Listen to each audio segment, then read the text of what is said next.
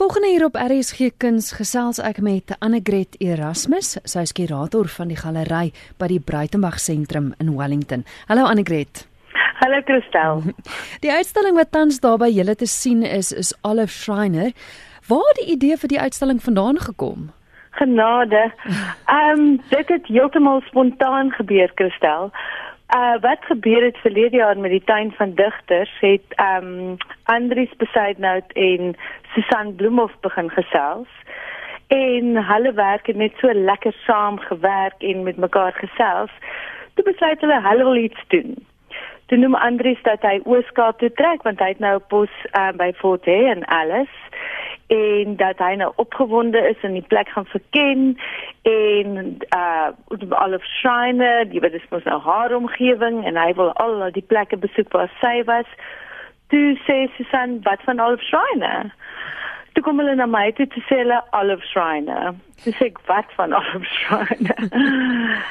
Sê nee, hulle wil hulle wil saam 'n uh, uitstalling doen met naam van Olive Shrine oor Olive Dink ek wel dis 'n fantastiese idee want ek het onmiddellik aan Elspie Brits gedink en haar boek oor Emily Habas wat ons ook uh, bekend gestel het by die sentrum. Sê ek wel, hoekom nie ons doen dit? En dis hoe dit ontstaan het. En toe net daarna te barak vir Cassie Brennan ook.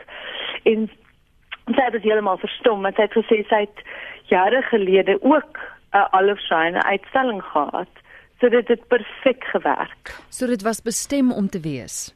Ja, dis een van daai uitstallings wat so spontaan gebeur en net so wonderlik is want dit werk net. Alles het al die werke praat met mekaar, die keramiek, uh al die skilderye, dit het perfek uitgewerk. Was heerlik.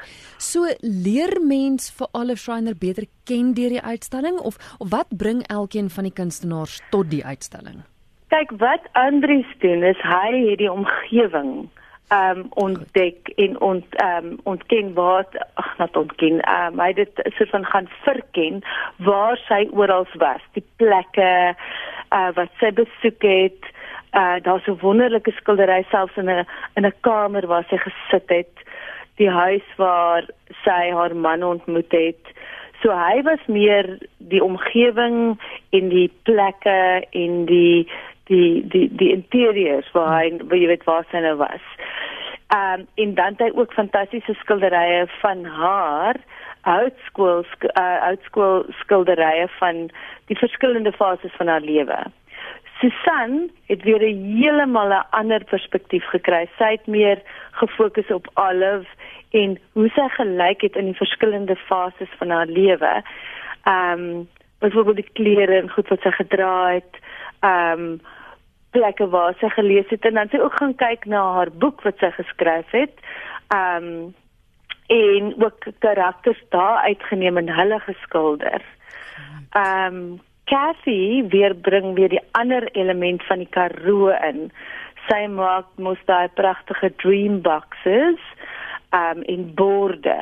So sy bring die plante en die voëls en die omgewing in in haar deur haar keramiekwerk. Tot wanneer is die uitstalling te sien? Tot die einde Mei. Dis 'n lekker lang tyd, ja. Ag, is heerlik. Dis heerlik want ons beplan 'n klomp goed daaroor, soos met elke uitstalling. So ons gaan ehm um, ehm um, ons gaan 'n boekbekendstelling hê, ons gaan uh, gesprekke daar hê. So klomp goed gaan gebeur in hierdie maand. Hou die boekbekendstelling dan ook verband met haar? Nee, dis Ashraf Jamal se boek wat ons ehm um, gaan bekend stel by die by die ehm um, in die galery, maar tussen die kunswerke. Ek het net gedink jy weet dis 'n fantastiese geleentheid. Hy was toevallig ook by die opening en ehm um, dit is is baie opgewonde oor daai projek.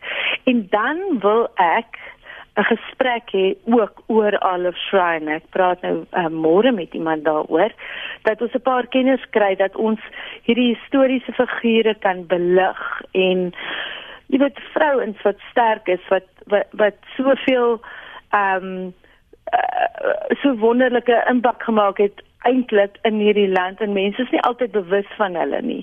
Dis die Emily's, die Olives en wat ook al. En Elsie Brit wat die openingsspreker was, het my bewus gemaak daarvan. So ek dink dit gaan wonderlik wees. Ek wil nou juist vra, ek dink ons jonger generasie ken nie noodwendig vir Alif nie. Wat het haar so 'n fenominale vrou gemaak? Kyk, sy was ver voor haar tyd. Sy sy was 'n sterk vrou. Ehm um, sy was 'n feminis, heeltemal oopkop. Ehm um, sy het byvoorbeeld selfs met Jan Smits gestry oor 'n paar uh goed en waar sy nie met hom saamgestem het nie. So sy sy en sy het ook daai sagte vroulike kwaliteit gehad waar jy weet waar die die droom die droomwêreld en sy het al daai goed alles gekombineer in een lewe en geweldig baie gedoen vir vir jy weet vir die gemeenskap en vir die land. Mm.